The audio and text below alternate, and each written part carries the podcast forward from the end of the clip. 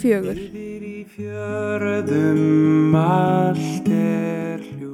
Líf eftir Flatey. Eittur hver bær, hver þekja fallin Lífið í Flatey er samstagsverkefni þekkingarneitt Þingeyinga, Urðarbrunns og Þingeyjarsveitar. Gimbillum ljósa sumarnótt Og kleifum fjöllum yfir skýr Ein er þar höldu fólksbyr Um 1960 fór fólki verulega fækka í eigunni. Ég spurði Hall hvað hann hjaldi að hefði valdið því. Þetta bara þegar það var börnum voru að fara í skóla og það var það var engi kennari að fá. Það var það sem að var skólamólum voru ekki góð þarna í restina. Og þess náttúrulega fer fólkið á eftir krakkum þannig var það sko. Við förum við alltaf ekki verið 63 ég, eitthvað svo leiðis Nei, svo fórum við stundum, eða, fórum þrjú sumur sko eftir það. Fórum bara hérna á vettunda. Það voru skólamóra en svo var erfið sko. Ég svona eldi fyrir mig hvað hefði verið hægt til að gera til að halda byggðinni þar. Hefði verið nóg heldur að fá kennara og... Ég hugsa að við hjálpa mjög mikið til. Já, skólamálin voru brín, en önnur stór ástæða voru hafnaraðstæðunar. Hér segir Herman frá.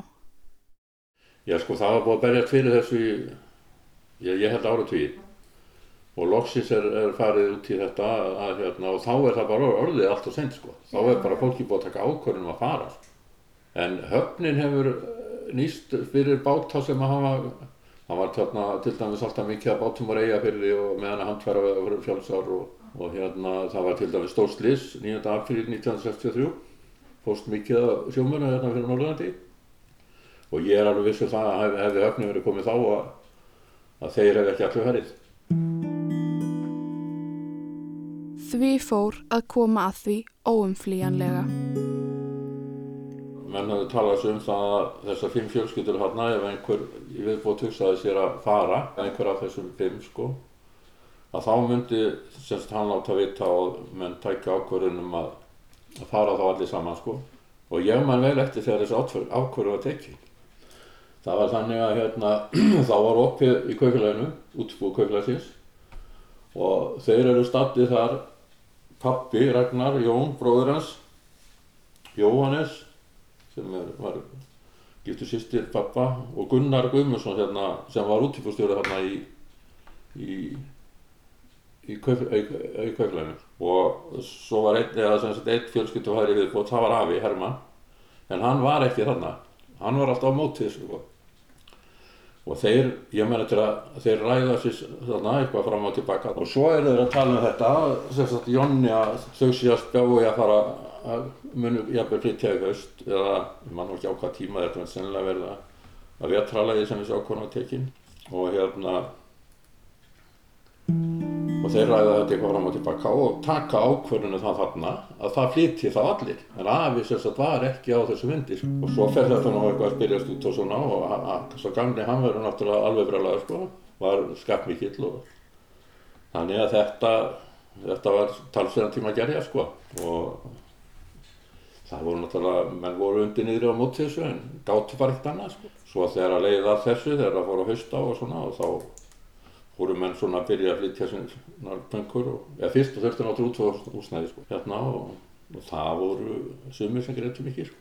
Það var náttúrulega ábyggjulega strempið fyrir þá sem voru síðan sko. Þessi sem eru fættur upp andra þeir voru náttúrulega fastir þar með já og við, þetta eldra fólk vildi ekkert fara úr eiginni.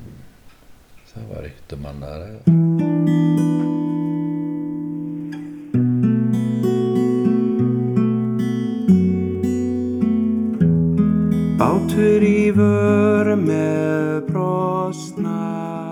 Hvernig var lífið í landi fyrir flateyinga? Býður þar sinna endaloka Rýri hann forðum landi frá Hvað var það sem breyttist? til þínum fjörðin blá. Hvernig þurftur að aðlaga sig að ólíkum lífsáttum að nýju lífi? áleiðis rói til þín. Allt þetta fólk flutti hinga til Húsavíkur. Það var að vísu, það var svo sem ekki dósvipað og þegar byrjaði að framkvæmda þetta PSC að það hækkaði húsnæðisverðinu með.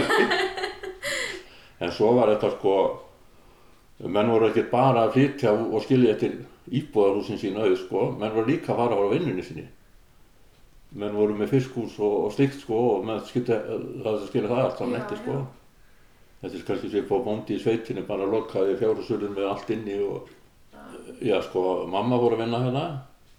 Svona ekkert mikið fyrst og, og hérna pappi var á sjó sko. Þeir áttu bát sem við komum hinga sko sem við voru að gera út á sömnin og svo var hann bara að vinna hérna í landavetnar og hérna þessu sko.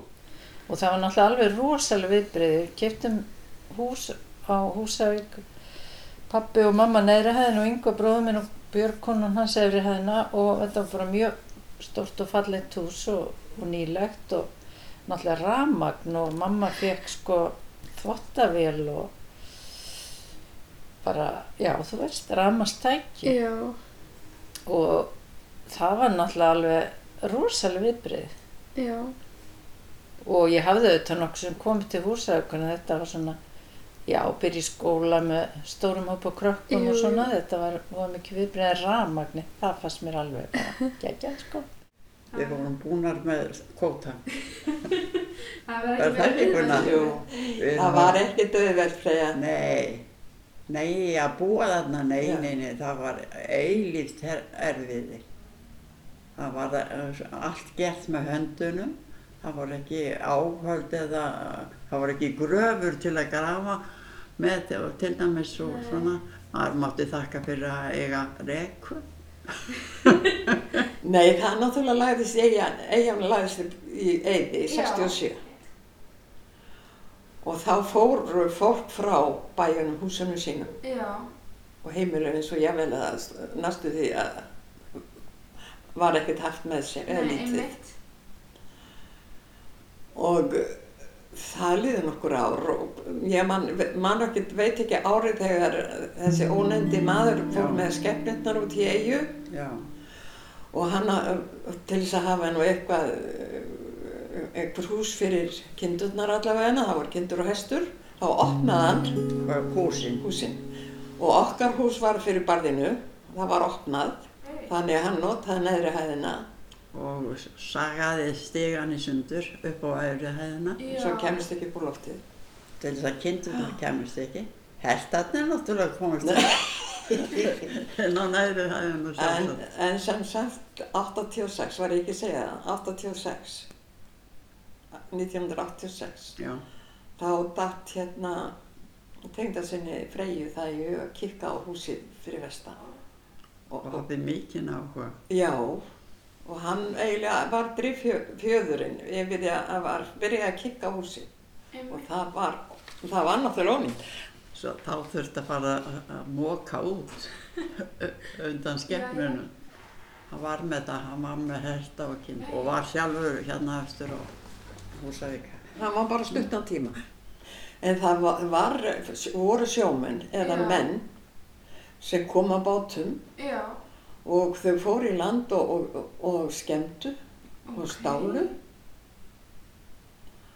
og hérna en stutt eftir ég veit ekki, veit ekki hvað ára var þetta, við vissum ekki um það fyrir en bara Einmitt. sko og Það ég var engar fastar ferðir. Nei. nei, nei. En svo náttúrulega setna mér þá fóru flattinga að koma þarna eins og ári sem var sennilega þeir- eitt. og svo Já, já. og fóru allir að laga húsin sín og, og halda um við.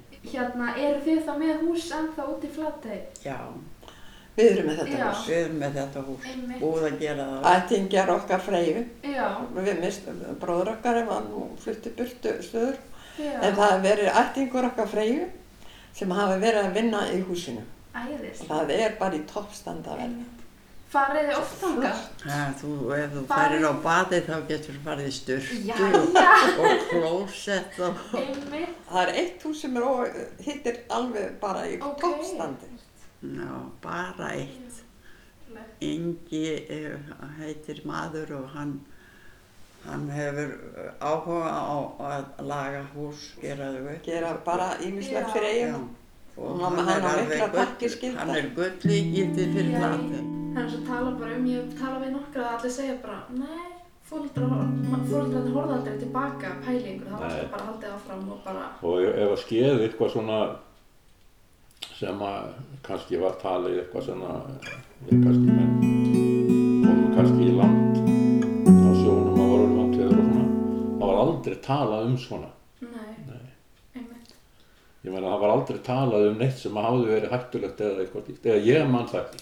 Nei, og eins og þegar urðu slís, var mikið talað um það, eða þú veist, Nei, nei, ekki. Já, maður svona, maður auðvitað saknaðast alltaf mest að skildi að vera flutt burtu. Allir fóru og var ekki vetrættur sko. En það er náttúrulega eins og að segja það, það er náttúrulega fámenni og pakka börnum og allt þetta ekki og það bara, þetta er tímas ráð sko. En ég saknaðast alltaf bara að vera ekki meira það heldur maður. Þessar minningar, er Elja. Elja mann er alltaf hreint sko. Mann eftir öllu þessum fallegu dögum. Þá hafði við líka horfið fyrir áföllum. Ég sá þarna í eini sko. Að þá, þá hlýna manni alltaf þegar mann minnist æsku dagana. Og eiginar. Og umhverfisins. Þetta saknaði maður náttúrulega margs. Það er kannski fyrst og fremst náttúran.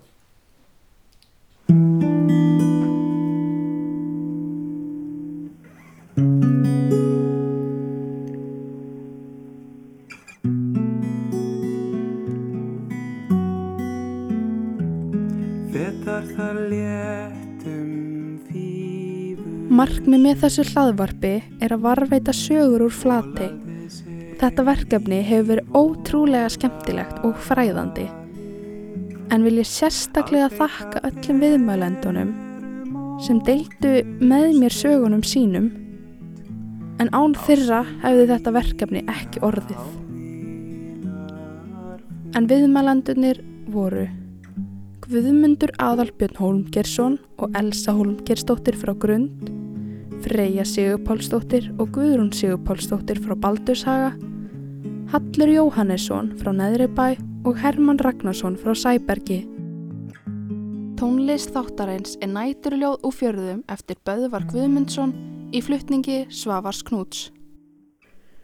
Hljóðvinnsla Páll Hlíðar Svavarsson og sjálf heiti ég Bjarga Ingólfsdóttir.